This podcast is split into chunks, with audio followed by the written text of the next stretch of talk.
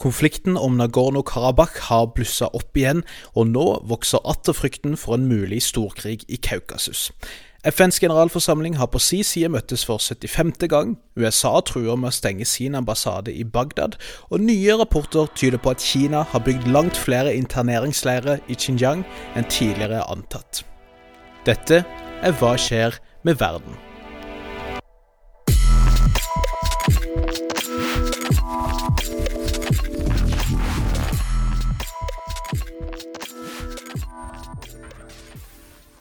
Hei og hjertelig velkommen til en ny episode av podkasten Hva skjer med verden? Denne podden for deg som er interessert i det som rører på seg innen internasjonal politikk og krig og fred og alt det rotet midt innimellom.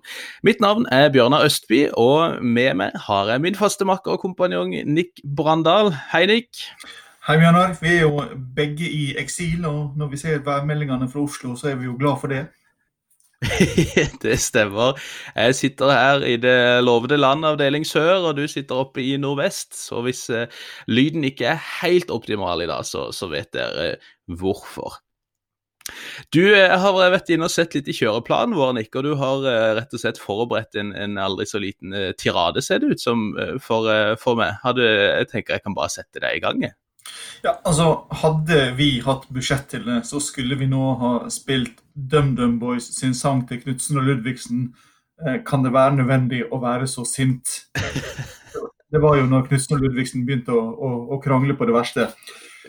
Og altså, fra, fra, altså, fra den siste uka Når det, det vi ender opp med å diskutere, er en benk, og at folk føler seg utrygge over en benk, eller nærmere mm. bestemt ikke, bare, ikke, ikke engang benken, det er en plakett på denne benken.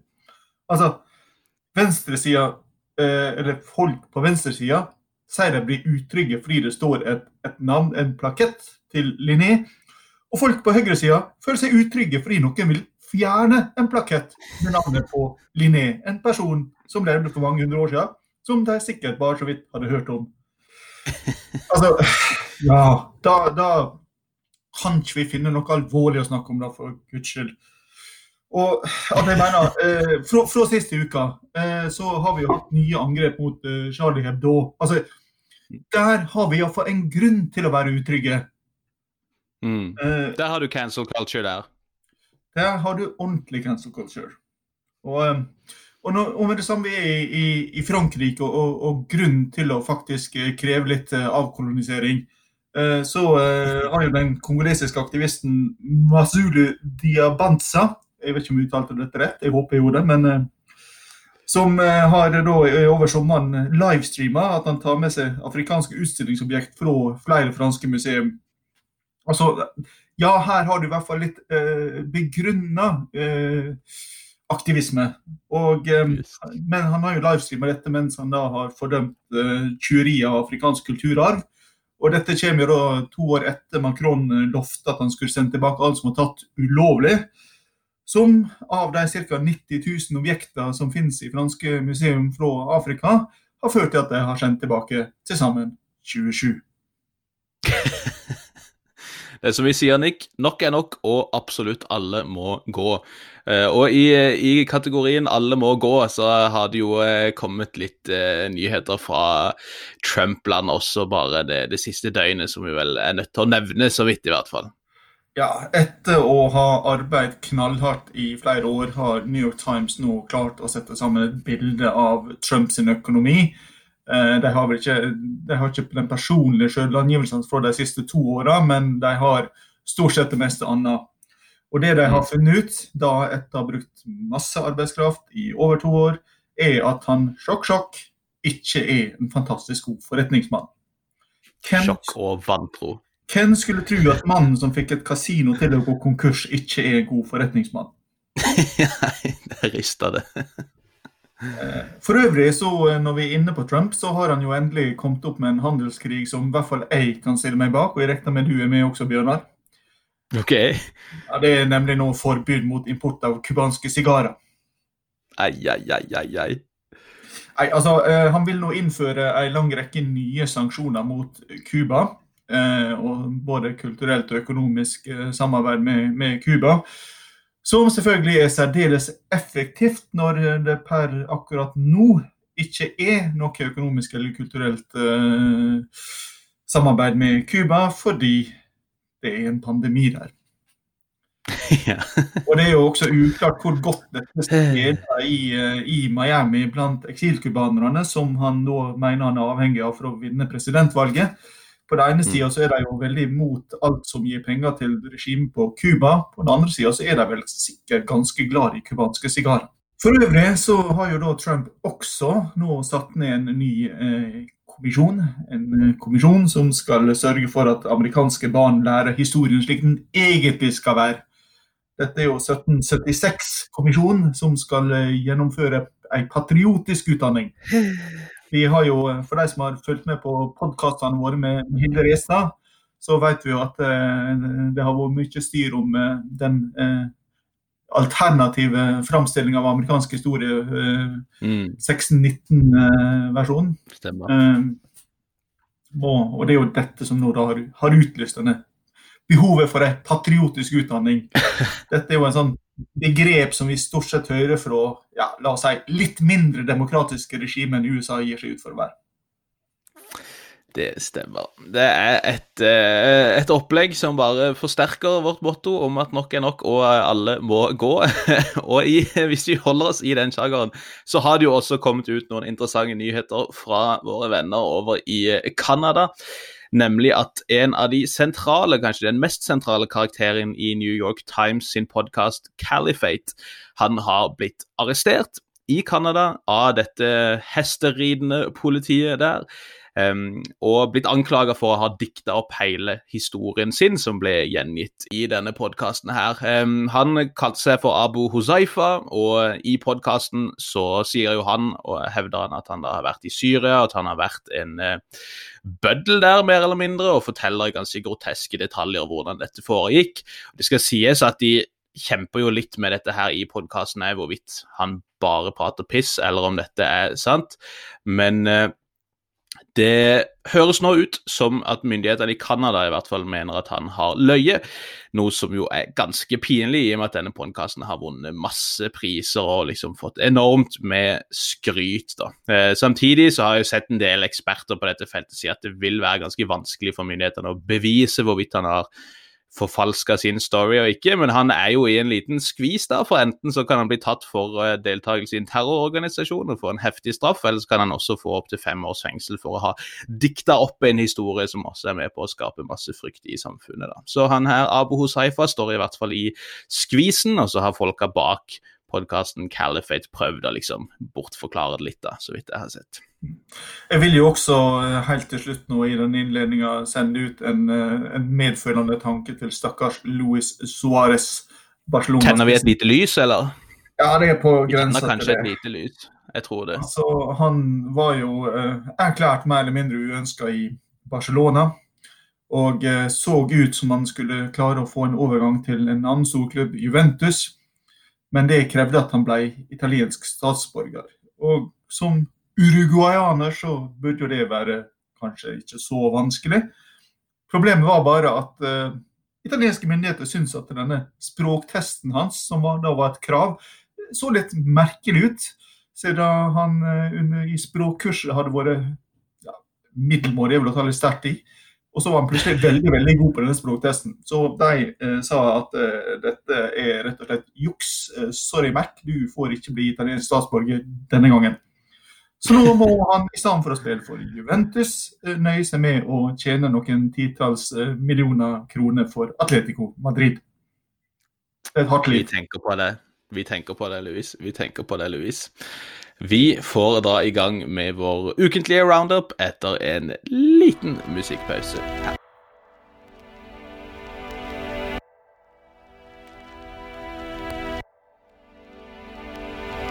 Det har vært ei eh, veldig begivenhetsrik eh, uke som vanlig, Nick. Det er jo noen ganger jeg sitter i midtuka og tenker litt sånn Hva skal vi eh, snakke om denne uka? Og så får vi plutselig potensielt en ny krig i Kaukasus, og vi har hatt nye regjeringer på plass og nye regjeringer som ikke kommer på plass, og det har vært masse greier. Og vi kan jo starte med at vi sist uke hadde den 75. generalforsamlingen i FN. Nå over, om ikke Zoom, så i hvert fall over nett. Det eh, var en mer eller mindre virtuell samling for mange av statslederne, i hvert fall, som ikke dukka opp i eh, New York denne gangen. Ja, og når vi da snakker om et sånt rundt, rundt, år, 75 er jo et slags sånn rundt år, selv om det så, så er det jo spørsmål om er det en framgang at dette skjer virtuelt for menneskeheten, eller Vel, la oss ikke avgjøre det her. Eh, men det var jo det var jo en del interessante taler som ble holdt av en lang rekke statsledere her. Um, mm. Trump brukte jo mesteparten av tida si til å kjefte på Kina, samtidig som han lovte at dersom bare alle stater gjorde som han, altså satte seg sjøl først, så ville vi få en langt bedre verden neste gang vi møttes. Eh, det var jo en tale som eh, strengt tatt uh, kunne blitt holdt av en nokså gjennomsnittlig tysk utenrikspolitiker sånn ca. 1934-35. Dette er altså ikke ja, Årstallet her er ganske viktig. Jeg plasserer ikke dette til 1944, altså. Nei, nei, nei. nei, nei. Det var jo mens de fortsatt krangla om å revitalisere Rhinland og de greiene der. Vi fikk jo eh, også sett en gammel kjenning som ikke hadde vist seg på ganske lenge, nemlig Saudi-Arabias kong Salman. Mm. Det er jo hans eh, påtroppende etterfølger som stort sett har vært ansiktet ut, ut av de siste åra. Eh, men nå var han framme igjen over, eh, over nett. Han så gammel og skrøpelig ut osv., men han også kjefta. Han kjefta ikke på Kina, men på Irak i, uh, og Iran. Uh, nei, beklager, han kjefta på Iran, selvfølgelig. Uh, mm -hmm. Samtidig som han, og dette her er det jo begynner å bli litt interessant, uttrykte støtte til Trump-administrasjonen sin store innsats for å løse Israel-Palestina-konflikten. Det er jo ei raus tolkning fra Salman der. ja, eh, han sa derimot ikke noe om hvorvidt Saudi sjøl kom til å inngå en fredsavtale med Israel. Og USAs holdning her er vel at de neppe tror det skjer før valget i november. Mm. Eh, derimot så har USA nå satsa alt på at de skal få Sudan til å inngå fredsavtale med Israel. Stemmer. Og her har de jo både, både lova å fjerne Sudan fra terrorlista og komme med betydelig økonomisk støtte dersom de inngår en fredsavtale med Israel. Ja, og Sudan har jo også vært ganske tydelig på at de har ikke lyst til å være med på den leken der, egentlig. De prøver å skille disse sakene fra hverandre, men samtidig så står Sudan oppe i en ganske heavy økonomisk krise nå, så det begynner å haste med å, å få hjelp og bli kvitt disse sanksjonene. Så sånn sett så stiller de ikke veldig sterkt i dette. her. Den som derimot uh, virkelig var i full kumbaya-modus, var jo internasjonale politikks Ole Brumm. Xi Jinping. Forsiktig hva du sier, da, får vi ikke ja, etter oss. Ja. ja eh, det, var, det, var, vel noe styr med at eh, kinesiske dissidenter sammenligna med, med, Ole Brumm, og det førte til at Ole Brumm ble fjerna fra en del plasser i kinesisk offentlighet. Men, eh, det stemmer. Men, det sak. Nei, altså, han holdt jo en tale som hadde gitt han æresmedlemskap i SV, Venstre, MDG og sikkert en lang rekke andre politiske partier. Eh, altså han, de skulle løse koronakrisa, de skulle gi støtte, økonomisk støtte til eh, hele Afrika. Eh, de skulle, det var ikke noe ny kald krig, det var ikke noe class of civilizations her. Men tvert imot så skulle nå Kina bli karbonnøytral innen 2060. Ja, ordner seg jo. Nøyaktig hvordan dette skal skje, var ja, altså det, hvis, bare, hvis bare Ski får lov å fortsette som han vil, og alle gjør som han vil, så så vil dette bli så fantastisk. Bolsonaro var jo kanskje eh, ikke overraskende mest opptatt av at eh, det var altfor mye urettferdig kritikk over eh, at regnskogen ble ødelagt. Dette var jo en ren svertekampanje. Mm. Han var ikke noen klimakjeltring i det hele tatt. Erdogan ville ha dialog om Middelhavet, men måtte ikke komme her og komme her. Eh, det var liksom grenser for hva den dialogen kunne handle om også. Eh, og Rouhani sa at den neste amerikanske president han må bøye seg for iranske krav. Mens Putin han prøvde jo å ta en eh, ski, miniski og tilby gratis koronavaksine til FN-staben. Samtidig som han vil ha en traktat mot romvåpen. Star Wars. Ja. Nok en gang. Og da er det vel bare å eh, Nå har vi jo gått nedover på lista over viktige statsledere, så da er det vel greit å slutte med Macron. og Vår lille First Price Napoleon. ja. Som kjefter på USA og på det vi snakka om sist med snapback, eh, om å Mm. gjeninnføre sanksjoner. Stemmer. Det er jo et interessant spørsmål om FN ble satt inn for å skape en ny og bedre verden, eller om det var først og fremst var satt inn for å hindre at noe som helst skjedde, les krig. Mm. Hvis det var det første, så har vel eh, det vært middels vellykka, kan vi oppsummere etter 75 år. Hvis det er det første, så har det vært særdeles vellykka. Mm. Hvis vi tenker om stor internasjonal krig, ja. Absolutt. Ja, altså det sørger for at uh, stormaktene har en annen plass å ta kranglene sine enn uh, direkte konfrontasjon. Mm, mm. Og det har satt opp et byråkrati og et system hvor uh, ting ikke skjer. Nettopp, nettopp. Og hvis de attpåtil kan få lufta alle sine klagemål over internett og ikke trenger å være i samme rom en gang, så, så er kanskje det en god ting. Eh, kanskje er det da, for å svare på spørsmålet innledningsvis, et steg framover for menneskeheten. dette her.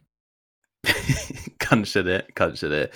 Eh, hvis vi drar til eh, Irak, så har det de siste dagene blitt skrevet en del både i amerikanske og irakiske medier om at Mike Pompeo visstnok skal ha gått til eh, både allierte og til eh, også um, irakiske myndigheter og trua med å rett og slett stenge USAs Bagdad-ambassade.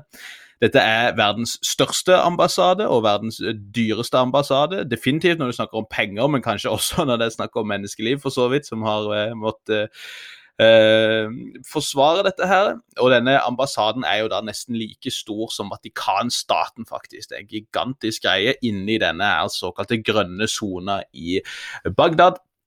Eh, USAs største diplomatiske stasjon, da. Det var verdens største, for så vidt. Og USA har jo sett seg mektig lei av at eh, denne grønne sona og den amerikanske ambassaden stadig vekk blir eh, angrepet. Eh, Vi så jo for så vidt at den eh, nærmest ble storma ikke så lenge etter den iranske generalen Qasem Soleimani ble drept helt i starten av januar. Da var det jo mange, altså en svær mobb og flere antatte Shia-militser, pro-iranske militser, som, var, som nesten tok seg inn i ambassaden. Men det har også vært mange forskjellige mindre rakettangrep både mot ambassaden, men også i økende grad mot forskjellige amerikanske konvoier. Gjerne da ikke bemanna av amerikanere, men av, av irakere og andre contractors. Men det har i det hele tatt vært mange angrep mot amerikanske interesser, utført av det man antar da er pro-iranske militser. Og USA har jo da eh, prøvd å presse eh, statsminister Kadimi, en ny statsminister i Irak, eh, og prøvd å få han til å slå hardt ned på disse militsene, hindre de fra å angripe og plage USA så mye. Man har tenkt seg at denne nye statsministeren eh, er en liksom lovende skikkelse, en som eh, kan samarbeide godt med USA. Men nå høres det ut som utenriksminister Pompeo begynner å bli rimelig fed up med at statsministeren i Irak ikke har lyktes da med å få kontroll på disse pro-iranske militsene. Og nå truer man altså med å stenge hele denne stasjonen hvis ikke disse angrepene tar slutt. Det høres ut som det ikke er veldig mye mer som skal til for at begeret skal renne over akkurat nå. Og det har også kommet ut av at, at USA planlegger å nedbemanne enda mer. På si at De går fra å ha litt over 5000 soldater i landet til ca. 3000. De har jo allerede overgitt flere baser. Og eh, Søndag kveld i går, da, vi spiller inn mandag morgen, så var det jo snakk om eh, Det var litt rykter også om at en del av staben var på vei ut av Bagdad og opp til, den, eh, altså til irakisk Kurdistan, opp til Erbil, til et konsulat der. Noen kilder har sagt at det bare er tull, så jeg, vet ikke hva som er situasjonen. Men eh, jeg så flere som følger dette her, være litt sånn urolige for hva som potensielt kan skje. For det høres jo ut som Pompeo har vært nokså sånn klar på at dersom vi stenger ambassaden, så vil en konsekvens av det også være at OK, da, da konfronterer vi faktisk disse pro-iranske militsene. Det var jo flere sånn titt for tatt-angrep etter dette drapet på Soleimani i januar, men har roa seg ned litt etter det. Men, men det, det, har vært trusler om å rett og slett da begynne å gå direkte til angrep på disse militsene. Eh, så altså, de mest liksom, alarmistiske folka som følger dette, her har jo bekymra seg for at det kan bli en liksom, åpen konflikt mellom denne anti-IS-koalisjonen, leda av USA, og disse forskjellige pro-iranske militsene. Denne statsministeren i Irak, Kadimi, han står jo på en måte i skvisen her, for han kan jo prøve å tilfredsstille på en måte USAs krav, men vil jo da antageligvis få desto større press fra iransk hold, som fint kan knekke den veldig liksom, skjøre regjeringa han har fått stabla på beina. Uh, og Eventuelt så kan han prøve å stå imot Iran, men da samtidig risikere en større åpen konflikt i Irak. da. Uh, så det er en uh, veldig spennende situasjon. Det høres jo også ut som USA kanskje liksom liksom egentlig planlegger en ganske sånn gradvis nedtrapping over noen måneder, sånn at man kan på en måte um, ja, stoppe denne nedstengninga dersom ting skulle forbedre seg. Men, men, i hvert fall i helga som var, så var ting veldig usikkert. Og ironien i dette her er jo at dette drapet på denne generalen Soleimani tenkte man skulle avskrekke Iran, det skulle få stopp på liksom, iranske aktiviteter utenfor sitt eget land. Eh, men i stedet så ser det jo ut som det er USA som nå begynner å bukke under for, eh, for, dette iranske presset gjennom da Irans proxyer i Irak. Og, og, sånn sett så kan det se ut som, i hvert fall hvis vi skal ta de på ordet, amerikanerne, at Iran er ganske nære ved å lykkes med å kaste USA ut av eh, Irak. Og det trenger vi ikke å snakke mye om nå, men, men i tillegg til dette så vet vi jo at ISs aktivitet eh, har vært økende over en periode. Det er fortsatt mange IS-celler aktive rundt omkring i landet, og gjerne oppe i fjellene eh, midt i landet, som er veldig vanskelig å eh, nå, der det er veldig vanskelig å bli kvitt i. Så det at USA eventuelt trekker seg ut fullstendig, er potensielt farlig, og risikerer jo nok et sånn 2011-scenario. da, At eh, en president eh, før et valg prøver å kvitte seg med et problem i Midtøsten, og ender opp med å bare eh, legge opp til nye problemer litt lenger eh, down the line. Så eh, det kan godt hende at eh, USA har bestemt seg for å stenge ambassaden når denne episoden er ute, eller at de har valgt å ikke gjøre det. Det vil tida vise, men, men, det er i hvert fall det vi vet per dette tidspunktet. Vi har jo snakka litt om Mali etter dette kuppet som var der, og det har jo vært et stort spørsmål av hvordan denne overgangsregjeringa skal se ut. Hvordan man skal komme seg fra å være leda av en eh, militærhunta og så da gå over til et sivilt styre. Og Nå vet vi litt mer. Nå har man fått stabla på plass eh, i hvert fall de viktigste lederne for den nye overgangsregjeringa. Og kravet fra ECOWAS, dette økonomiske fellesskapet for vestafrikanske stater, det har jo vært at det skal være en sivil eh, leder, eller skal være en sivil president og en sivil statsminister. Og det ser jo ut som denne huntaen har gjort liksom det absolutte minimum for å tilfredsstille det kravet. Så presidenten som er innsatt, er en kar som heter Ba Ndao, som er en tidligere forsvarsminister og en tidligere dekorert uh, oberst, og er jo sånn sett den minst sivile, sivile du kan uh, finne, men uansett en sivil. Og så er det da lederen for denne huntaen, obersten Asimi Goita, som da går inn som visepresident. Og Det trodde man jo skulle måtte fredeliggjøre ECOWAS og få en stopp på sanksjoner derfra, men ECOWAS gikk ganske kjapt ut og sa at vi kommer ikke til å løfte disse sanksjonene før dere får på plass en sivil statsminister også. Eh, det var snakk om å stramme til skruene desto mer med sanksjoner, men også kjøre en liksom fullstendig embargo eh, mot eh, Mali. Eh, og det gjorde jo at man fikk ganske grei fortgang i innsettelsen av ny statsminister, som da ble nevnt, uh, utnevnt nå i helga. En kar som heter Mokhtar Ouane, som er tidligere utenriksminister, har vært representant for Mali inn mot FN. Og han blir da på en måte den sivile regjeringssjefen.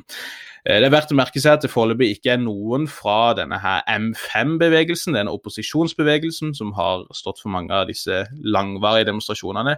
Ingen medlemmer derfra har uh, blitt satt inn i regjeringa, ser det ut som, men det kan virke som denne nye statsministeren ses for å være en, en mann av prinsipper, håper jeg, og en som har gode intensjoner, om ikke annet. Uh, så vil jo tida vise hvor, hvor godt den analysen treffer. Likevel så er det jo tydelig at mye av den gamle eliten rundt denne forrige presidenten, IBK, som ble styrt av, den har nå egentlig bare orientert seg rundt Huntaen, og på den måten så skjer det som har ofte skjedd, at denne politiske eliten egentlig bare resirkuleres.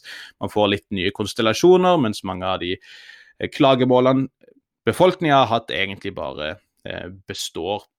Nå er det snakk om å, ha et overgangsstyre. Jeg er litt usikker på hvor lenge det blir, men det har vært snakk om 18 måneder i hvert fall, før man da skal få på plass et eh, valg. Eh, ellers så kan man jo også nevne for så vidt det at eh, det har jo vært en frykt for en viss sånn smitteeffekt i Vest-Afrika dersom eh, altså Vi har jo sett flere presidenter eller statsministre i Elfenbenskysten og eh, uh, Guinea, som stiller til valg for en tredje periode, og som tilsynelatende slipper unna med det. Og nå har også lederen i eh, Senegal, uh, Macky Sall, sagt at uh, Eller folk rundt han har i hvert fall sagt at han har lovt å stille for en tredje periode, også han. Så det, det er en del tendenser til democratic backsliding, som de kaller det, i, i Vest-Afrika, som, som er noe urovekkende. Men der man har fått på plass en regjering, tilsynelatende, i hvert fall i Mali, så har man ikke gjort det i Libanon, tross at eh, Macron har prøvd så godt han kan, Nick. Ja, eh, det er jo et spørsmål om vi strengt tatt burde ha ikke regjering i Libanon som i en nyhetssending. Det er jo strengt tatt ikke nyheter. det godt, Men eh, det, det, som skjedde denne gangen, er jo at da den tidligere libanesiske ambassadøren til Berlin, Mustafa Adib, Eh, ga opp å danne ny regjering. Eh, dette handler om eh, posisjoner mellom de ulike fraksjonene, og særlig at Shia-gruppene i Amal og Hezbollah krevde å få finansministeren og dermed kontroll med, med økonomien. Mm. Men, men, det var langt fra den eneste. Macron hadde jo satsa på Adib som sin mann. Han hadde lovt betydelig økonomisk støtte når den nye regjeringa var på plass. Eh, det har foreløpig ikke kommet noen kommentar fra Paris, men dette er jo definitivt ikke en triumf for Macrons innflytelse i Libanon. Mm. Det, og økonomien var jo dårlig før eh, eksplosjonen, og situasjonen etterpå den har ikke blitt bedre. Nei. Altså Det libanesiske pundet har falt med 80% i verdi mot, eh, mot dollaren. og Eh, et donormøte som ble holdt i FN i forbindelse med 75 eh, års, eh, eller 75. generalforsamlinga, sa at en ny regjering var avgjørende, nærmest et krav for å utløse økonomisk hjelp fra, fra det internasjonale samfunnet. Mm. Så um, det ser ikke bra ut i Libanon, og det er strengt tatt ikke nyheter. Det er jo dessverre ikke det, egentlig. Eh, vi har jo noen sånn eh, tålige nyheter, i hvert fall, fra, fra, Kina. Og selv om Xi Jinping eh, snakker eh, eh, fint, holdt på å si, og skikkelig kumbaya-stemning i FN, så er jo situasjonen litt annen hvis du er en minoritet under Kinas kontroll. Og Reuters hadde en rapport nå nylig om at det visstnok er en stor vekst av jeg vet ikke om vi skal kalle det arbeidsleire eller omskoleringsleire eh, i Tibet. I hvert fall så observerer man at veldig mange landlige arbeidere, type folk fra bondestanden i Tibet, da, eh, har blitt eh, sendt inn i det som beskrives som militærlignende treningsleire, hvor de da skal liksom, kurses i anførselstegn for å kunne sendes inn i industrien. da. Og dette hevder jo sentralmakta er eh, et uh, trekk for å da bekjempe fattigdom på bygda. Problemet er jo det at uh, det viser seg at det er et veldig sterkt fokus på ideologisk indoktrinering, ikke veldig ulikt det vi har sett i Xinjiang, og det ser ut som faktisk det er samme fyren som har stått bak noen av disse prosjektene, altså tidligere partisekretær i Tibet, som da har implementert dette også i Xinjiang siden. da.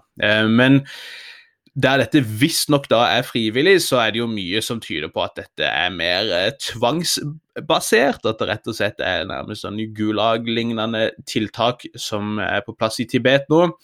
Og det er jo masse liksom, fordommer og eh, rasisme mot uh, den tibetanske minoriteten. Og også i den rapporten så, så, nevnes jo det hvordan de ofte blir sett, altså tibetanere blir sett på som late eller trege eller skitne eller enkle folk osv. Og, så og, og det kommer også fram i noen av disse dokumentene, interndokumentene fra kommunistpartiet, at, at, de liksom uh, skal utrydde late mennesker, da, at alle skal inn i industrien. Og så er det noen ganske sånn perverse økonomiske insentiver også, der den kinesiske stat bruker en del private selskap i dette arbeidet.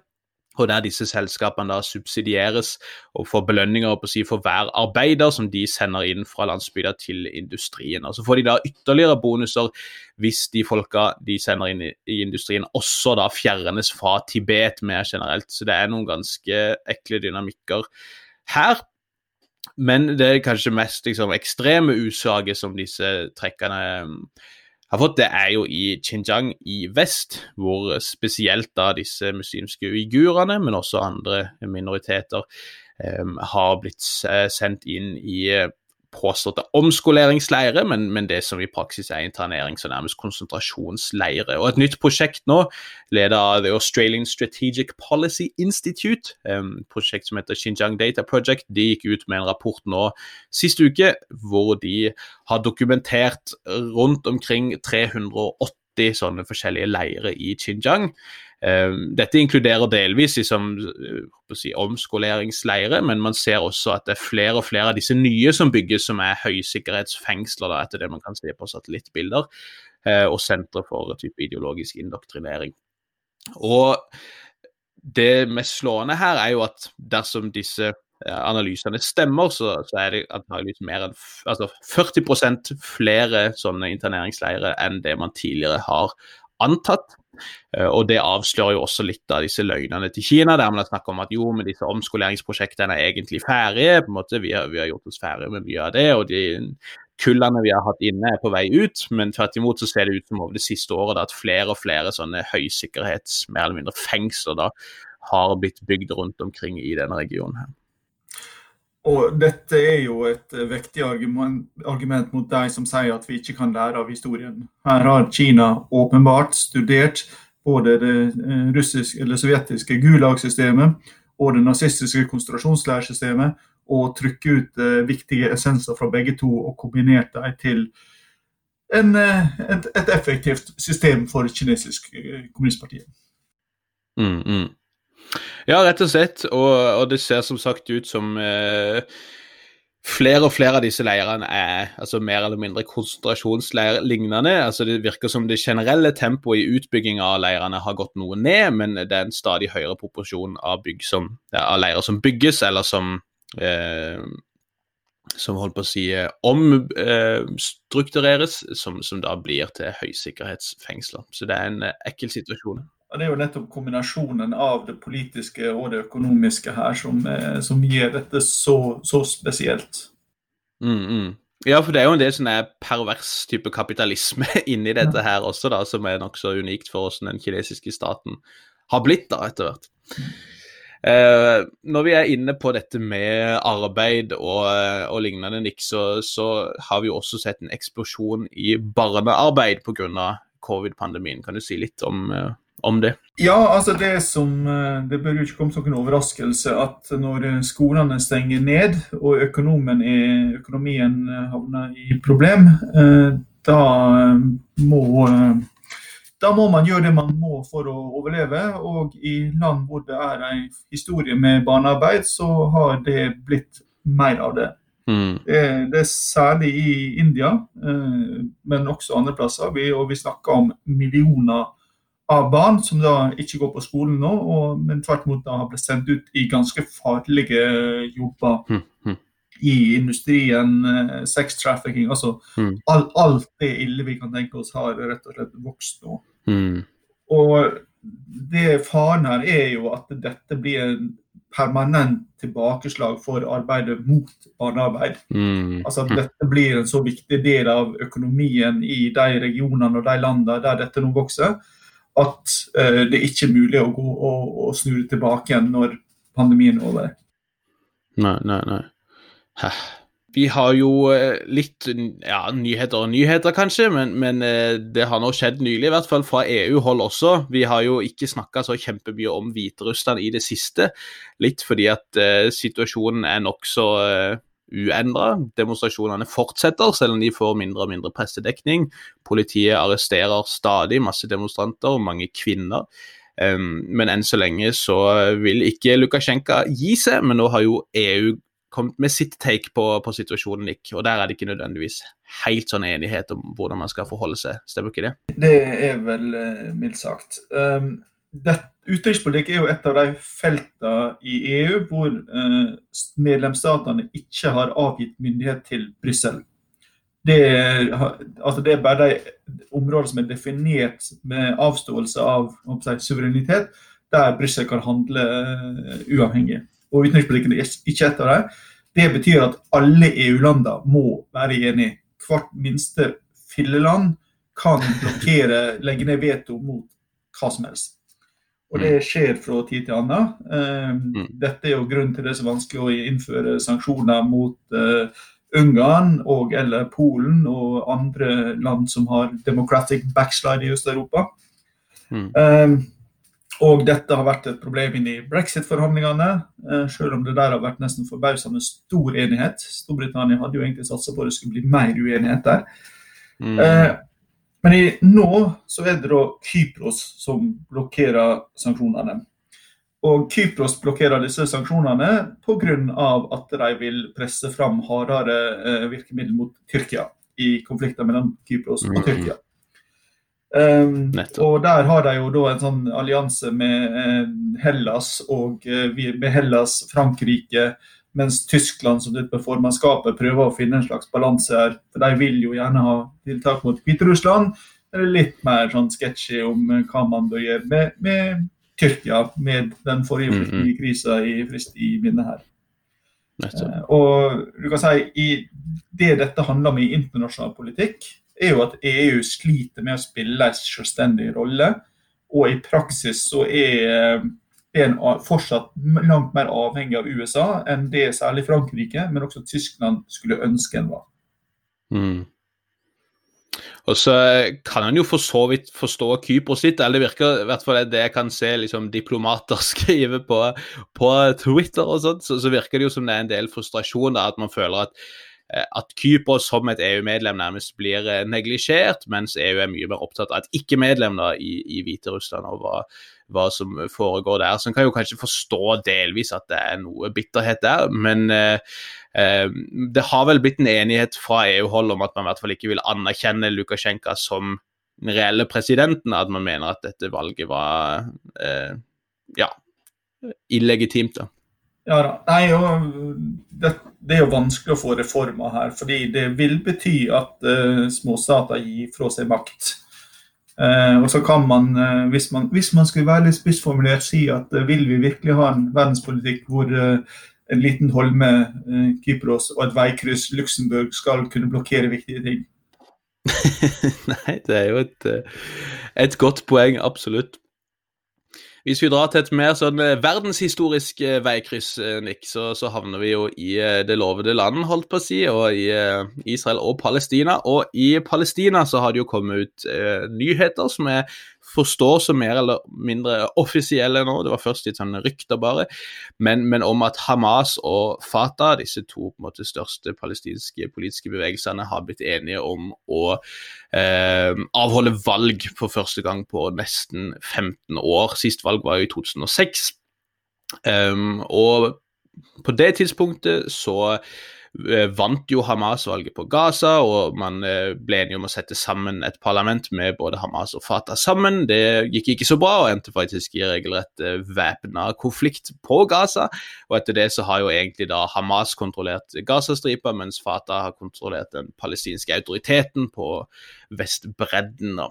Men nå er man enige om å avholde et nytt valg. De har visst hatt samtaler, disse lederne, i Tyrkia, der man har blitt enige om viktigheten av liksom, nasjonal enhet, og jeg tror nok man har innsett nå med disse siste avtalene med Israel og andre arabiske stater at det er ingen som kommer til deres unnsetning. Så hvis det skal skje noe, så må de prøve å, å, å fikse ting selv.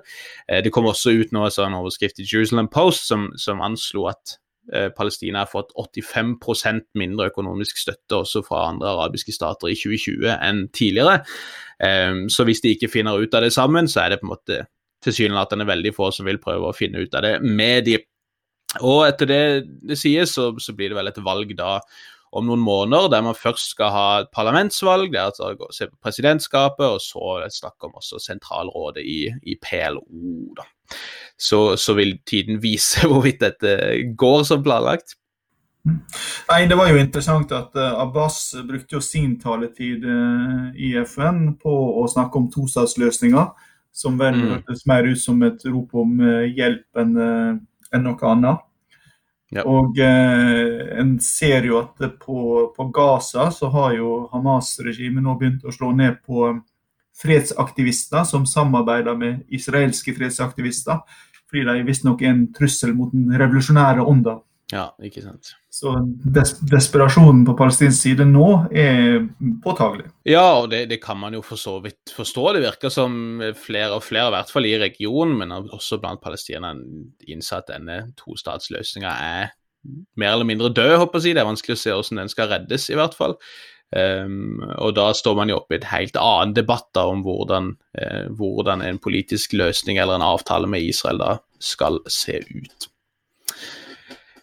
Vi skal snart over til ukens tema, som er i Kaukasus. og Da kan vi jo snakke om noe annet i Kaukasus like før, som kanskje kan sette litt av konteksten òg. For eh, Russland og venner har eh, hatt en enorm militær øvelse i Kaukasus, i, i Russlands sørlige militærdistrikt, den siste uka. En øvelse som bare ble kalt Kaukasus 2020 der en så mye som 80 000 personer skal ha vært eh, involvert, med litt i underkant av 1000 internasjonale styrker. Så her har vi jo da hatt Russland primært, men også styrker fra Kina, fra Hviterussland, fra Armenia, Myanmar og Pakistan.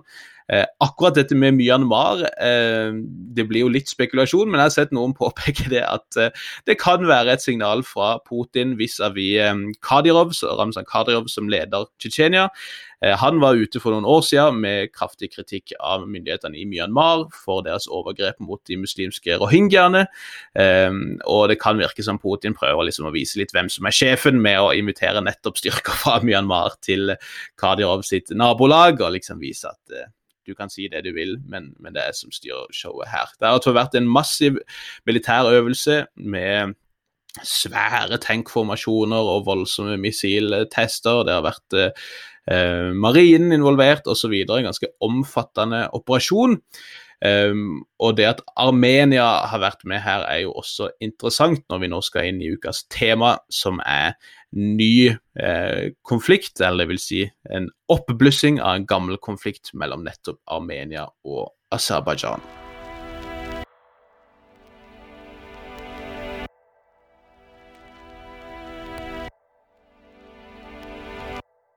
Vi, vi, tenker jo av og til, jeg i hvert fall det på liksom, hva, hva, skal vi snakke om denne uka, og så har det jo en tendens til å dukke opp ting, og denne uka har det jo dukka opp eh, noe ganske stort, nemlig en, eh, en ny runde med væpna konflikt i Nagorno-Karabakh i Kaukasus, og da mellom disse gamle fiendene, får vi si, Armenia og Aserbajdsjan. Eh, så vil jo tiden vise hvor hvor omfattende dette blir, men vi må snakke litt om hva vi vet til nå, og kanskje først snakke litt om eh, litt kontekst her, Nick. For dette her er jo ikke noe nytt av dato, akkurat det vi ser nå. Nei, vi snakker jo om Midtøsten som et eh, veikryss, og det er jo på sett og vis Kaukasus også. Mellom eh, Russland i nord og de store imperiene i Midtøsten i, uh, i vest og i sør. Mm. Og, og, og si, For Russland er jo da dette et område det er viktig å ha kontroll over. Og måten de har hatt eh, historisk har holdt kontroll over dette området, her, har vært å bruke minoriteter og ulike land og grupper mot hverandre i et sånn splitt og, og hersk-system. Mm. Eh, og, og, dette varte egentlig fram til den kommunistiske revolusjonen eh, i 1918, eh, og, eller si, borg, og borgerkrigen som fulgte etterpå der de brukte noen år på å skaffe seg kontroll. det som da skjer sånn utover på 20-tallet, det er at disse eh, konfliktene blir nedfryst. Man snakker om liksom, Sovjetunionens frozen conflicts. Der mm. eh, områder som Nagorno-Karabakh, som har et eh, flertall av armenere, men teknisk sett er en del av Aserbajdsjan, får eh, stort indre selvstyre. Eh, mm. Så blir Sovjetunionen oppløst, og eh, Aserbajdsjan og Armenia blir selvstendige stater. Og eh, plutselig sier da eh, eller kanskje ikke så plutselig, men sier da Aserbajdsjan at sorry, Mac, dere er kanskje et flertall av armenere her, men dere får ikke beholde det indre selvstyret lenger. Mm. Det er jo til sammen det er om disse seks sånn frozen conflicts her i altså små territorium eller regioner innenfor Georgia, Ukraina, Moldova og Aserbajdsjan, som da hadde en slags spesialstatus i Sovjetunionen og som etter sovjettida har, har, blitt konfliktområde på forskjellige måter. Det som er mm, mm. spesielt her, er jo at det er den eneste plassen der Russland ikke står bak konflikter, men tvert imot på den ene sida har prøvd å forhandle og ha en slags, skape en slags balanse, eller, eh, eller, ikke har interesse i å forsterke konflikter. Men på den andre sida mm. har forsynt begge sidene med, med ganske mye våpen. Ja. Og, og, de har jo også en, eh, en militærbase i Armenia. Mm. Og der, der, på en måte grunnlaget for dette ligger langt tilbake, opp å si, så, så ble det jo da en væpna konflikt i 1991 som varte frem da til 1994, hvor da armenerne i Nagorno-Karabakh prøvde å løsrive seg fra Aserbajdsjan. Og jeg håper å si, i praksis har vel lyktes med det. Det er jo ikke en internasjonalt anerkjent stat, eller republikk, de kaller det jo Artsak-republikken, armenerne. Eh, men de har da i praksis kontroll over denne enklaven. De har også tatt kontroll over andre provinser av Aserbajdsjan og bygd en slags landbro til Armenia proper, og har da også stor støtte fra armensk hold. Men man har ikke fått på plass noe fredsavtale. Man har hatt en våpenhvile fra 1994 som har blitt brutt gjentatte ganger. I 2016 hadde man uh, voldsomme trefninger der flere hundre ble drept uh, over en kort periode. og Vi snakka jo også om i sommer hvordan det var trefninger da på grensa mellom Armenia og Aserbajdsjan proper, hvor uh, titalls soldater og generaler faktisk da mista livet på, på, hver side. Eh, men nå har dette da blussa opp eh, en ganske mye mer dramatisk måte enn tidligere, eller i hvert fall enn det tidligere i sommer. Det starta på eh, søndag morgen, sånn i åttetida lokal tid, hvor det da starta et ganske massivt bombardement inn mot denne enklaven fra eh, aserbajdsjansk hold. Det har jo vært eh, altså Begge parter anklager den andre for å ha starta. Aserbajdsjan sier at eh, Armenia starta med artilleribombardement. Armenerne sier at eh, Aserbajdsjan starta med å bombe eh, sivile områder i eh, denne Artsak-republikken, eller i Nagorno-Karabakh. Men resultatet har uansett blitt ganske voldsomme trefninger. Nå skal det sies at begge parter her er veldig sånn eh, slepphendte, håper jeg å si. Og eh, når det gjelder tapstall, det er veldig vanskelig å vite hva som er reelt, men det har jo allerede kommet ut en del bilder og, og filmer av både eh, pansra kjøretøy som blir, har blitt ødelagt, av helikoptre som har blitt skutt ned, droner som har blitt skutt ned, og, og det er også eh, en del Eh, bevis der ute si, på, på, drepte soldater. Da. Det siste jeg hørte er at Armenia vel har sagt at de har mista noe sånt som 15-16 soldater, og påstår da um, Eller altså armenske separatister har at så mange har blitt drept, mens uh, presidenten da, si, i, i Nagorno-Karabakh påstår at det er mange hundre uh, på aserbajdsjansk side som har mista livet.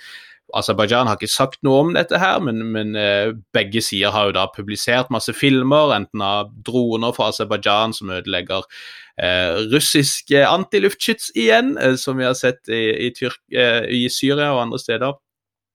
Og det er tydelig at begge partene her prøver å liksom eie dette medianarrativet, da, og det er veldig vanskelig å vite på en måte omfanget av hva som har skjedd. Men de som sitter med kart og prøver å få oversikt over hvor kampene står, de, de viser jo at det har vært trefninger langs mange steder av grensa, da, håper jeg, fra Nagorno-Karabakh eh, mot eh, Aserbajdsjan, og også at det har vært trefninger da mellom Armenia og, og Aserbajdsjan mer generelt også.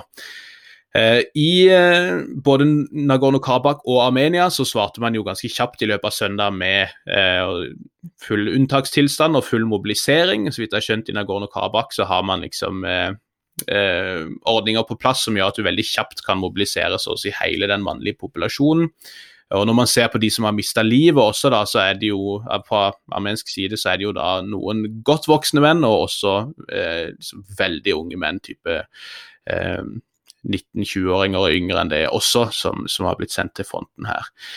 Så er det jo masse spekulasjon eh, rundt hva som egentlig foregår, hva som egentlig har fremprovosert dette her, og, og, et navn som gjerne nevnes, er jo da Tyrkia. Eh, Erdogan har vært ganske tydelig lenge egentlig på at han, han eh, står på Aserbajdsjans side i denne konflikten, men har blitt desto mer eksplisitt rundt dette nå. Og er jo en av de som i mindre grad har liksom sagt nå må vi få en stopp på konflikten her. Han har vært ganske tydelig på at de står med Aserbajdsjan last og brast her.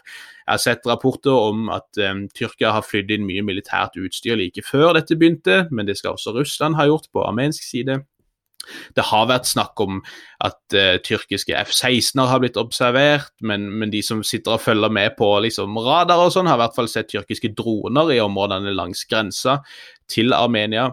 Uh, og, og, jeg har sett også folk sitte og se på liksom, statlige tyrkiske medier og hvordan de har uh, på en måte nærmest bana veien for disse operasjonene, som de ofte gjør med å hevde at det er kurdiske opprørere som har dratt til disse områdene. Man påsto at PKK eller YPG, som er aktive i Syria og Irak, at de har dratt til Nagorno-Karabakh for å trene uh, militser der. Um, og, og, det er jo ofte litt sånn uh, kan, antyde at uh, Tyrkia har interesser av å involvere seg. da. Ja, og hvis vi spoler litt tilbake i historien, ganske langt tilbake faktisk, så er det et, et, land til som er inne her. Og, og som Tyrkia har, krig, har i hvert fall verbale kriger med på mange fronter, nemlig Frankrike. Mm. Så Frankrike har historiske forbindelser til, til Armenia. Eh, og var også en viktig spiller i å framforhandle fredsavtalen i 1994. Eh, vi, for, de, for, de, av oss som, som kjenner litt eh, til fransk politikk, så vet vi jo at den forrige franske presidenten, eller Sarkozy, var jo eks-armener. Og det var jo også den, den kjente fotballspilleren Juri Djokev, en av mine favoritter på det franske landslaget i 98. Stemmer, stemmer. Um, så, så altså der, der, er det gamle, sterke forbindelser som gjør at denne Erdogan versus uh, Macron-greia også spilles ut i denne regionen. Det er selvfølgelig ikke hovedmotivet til Tyrkia, men, men det, det, er en del av det. Mm. Og så er det jo USA som, som også var den tredje eh, parten som forhandla avtalen i 94, sammen med Russland og Frankrike, som, vi, som nå har gått ut og, og sagt at dette er ikke greit, eh, mm. for å bruke det ikke-diplomatiske språket USA ikke brukte, mm. det, men det var det de sa. Men om hva rolle USA faktisk har tenkt å spille i denne konflikten og i denne regionen, her, er det jo ingen som vet noe. Nei. De, de, kalles jo Minsk-gruppen, da. Det er jo OSSE, eh, en organisasjon for sikkerhet og samarbeid i Europa, med da Russland og Frankrike og USA da, som forhandla frem denne våpenhvila. Da. Kun, eh, vi har ikke hatt en fredsavtale ennå, men en våpenhvile i 94. Og, eh, og, Russland var veldig tidlig ute og, og, sa nå må vi få en slutt på dette umiddelbart. Um, mens Tyrkia har vært litt mer sånn heia Heia Aserbajdsjan. På Twitter vil du se mange indiske, antageligvis diasporaen, vil jeg tro, men mange indere som går inn og heier på Armenia, og mange pakistanere som går inn og heier på Aserbajdsjan. Fra iransk hold så har man også vært liksom Dette må vi få en stopp på. Iran tenker man er mer pro Aserbajdsjan, eh, men også har kanskje et litt varmere forhold potensielt i hvert fall til Tyrkia enn mange andre. Men det er altså en ny arena både for denne feiden mellom Erdogan og Macron, men kanskje mest av alt eh, en ny arena hvor Tyrkia og Russland står på hver sin side. Det har de gjort først i Syria, så i Libya, og nå da også i eh, Nagorno-Karabakh, og potensielt da i en større konflikt mellom Armenia og Aserbajdsjan. Og så er det en del rykter som ennå ikke er bekrefta, men, men, det har kommet ut en film som tilsynelatende styrker denne påstanden, om at da eh, Tyrkia skal ha skippa inn syriske leiesoldater til Aserbajdsjan for å kjempe på fronten. Det, de jo, det vet de jo at de har gjort i Libya. Og det er nå snakk om at det også har skjedd her. Det er i så fall snakk om ei gruppe som kalles Sultan Murad-divisjonen, som da primært er syriske turkmenere. Islamister, mer eller mindre jihadister, håper jeg, etter våre standarder i hvert fall. Eh, som har da kjempa for tyrkiske interesser, først i Nord-Syria, så i Libya, og nå kanskje da i Aserbajdsjan. Det har altså kommet ut en film med en konvoi som er leda av en israelsk produsert jeep, som vi vet at Aserbajdsjan bruker. Da, og en lang rekke med pickuper og unge menn som står med fingrene i været og roper Allahu akbar, håper jeg å si. Og som, det er jo ganske dårlig videokvalitet, men det er noen ting med disse uniformene som ligner mye på Sultan Morad sine uniformer. Hvorvidt det er tilfellet, det får vi jo se. Det er masse spekulasjon. Sant? Tyrkia hevder at uh, Armenia har henta inn kurdere for å kjempe. Armenia hevder at har, uh, Tyrkia har sendt inn syre masse rykter og propaganda, så det er vanskelig å si til um, altså per dags dato hva som faktisk er situasjonen her. da. Ja, og her er jo et underliggende monument, moment som kan spille inn, nemlig at begge disse landene har en voksende covid-pandemi eh, på gang. Og mm. Eh, når en ser hvor sindige nordmenn kan eh, gå i taket over spørsmål om å få reise på hytta, handle i Sverige, eller oppkalle en benk etter Linné, så kan en jo bare frykte hva eh, en pandemi kan føre til i denne konfliktsituasjonen. Ja, og, og, vi så jo det også etter disse trefningene i sommer. Det var jo svære demonstrasjoner i Aserbajdsjan som liksom mana til regelrett krig mot Armenia. Det virker som det har vært mye frustrasjon på begge sider, kanskje spesielt fra aserbajdsjansk hold om at diplomatiet har mer eller mindre stoppa opp. Man har ikke hatt noe fremgang med forhandlinger om hvordan man skal få løst dette problemet, som de ser som, med Nagorno-Karabakh. Um, og, og, liksom disse trefningene har vært ganske mye mer alvorlige. Mobiliseringa har vært mye større. Man har sett masse pansra kjøretøy, helikoptre, droner osv. som har vært involvert. Og, og sånn som dekninga var i går, og, og sånn som disse forskjellige lederne talte i sine respektive parlamenter, så hørtes det ut som man var bare noen få steg unna en liksom full-on krigserklæring. da. Nå mandag morgen så, så, er det ikke noe som har indikert at det har skjedd. Det kan godt skje i løpet av dagen, det, det er veldig vanskelig å si. og Jeg har sett liksom, eksperter på dette, som vi to definitivt ikke er, um, har uh, påpekt at liksom, hvis, hvis begge sidene kan greie å frame dette og komme med et eller annet slags seiersnarrativ, hvis Eh, Aserbajdsjan kan si at de har tatt noen landsbyer, selv om disse kanskje egentlig er i et sånn område som har vært no man's land siden 1990-tallet. Og hvis armenerne kan si at vi har greid å beskytte våre områder, kanskje begge to kan liksom eh, trekke seg tilbake i løpet av fire-fem dager, og at dette bare blir nok en ny sånn runde. Hvis Aserbajdsjan har bestemt seg for at de vil løse dette en gang for alle, så, så vil situasjonen potensielt kunne eskalere langt mer, da. Og Da har man jo et, et, annet moment her også, vi har jo snakka litt om dette regionale perspektivet.